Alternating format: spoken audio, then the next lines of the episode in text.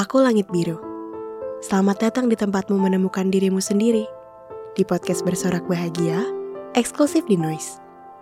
Tempatmu berbagi kisah tentang cinta, persahabatan, keluarga, dan segala tentang hidup. Selamat berpetualang bersamaku.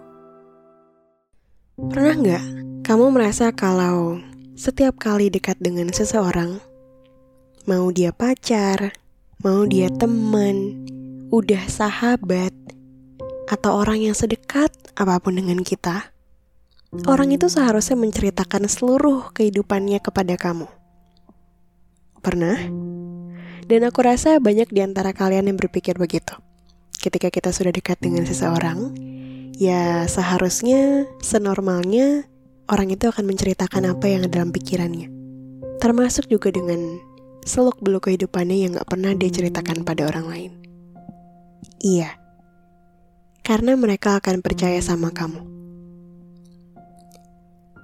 Jadi kamu mikir, kalau ya kan dia deket sama gue, udah seharusnya dong menceritakan apa yang ngebuat dia kesel, apa yang ngebuat dia marah, apa yang ngebuat dia kecewa, apa yang ngebuat dia pengen nangis. Seharusnya kan dia cerita, karena buat dia, kita sama-sama dekat.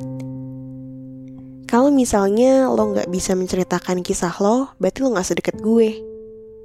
Hmm, aku pernah dengar ada yang bilang begitu. Atau lo nggak percaya sama gue? Kan semua cerita lo bakal aman nih sama gue. Atau ada yang bilang juga gini. Kalau memang kita nggak sedekat itu, ya berarti bakal banyak cerita.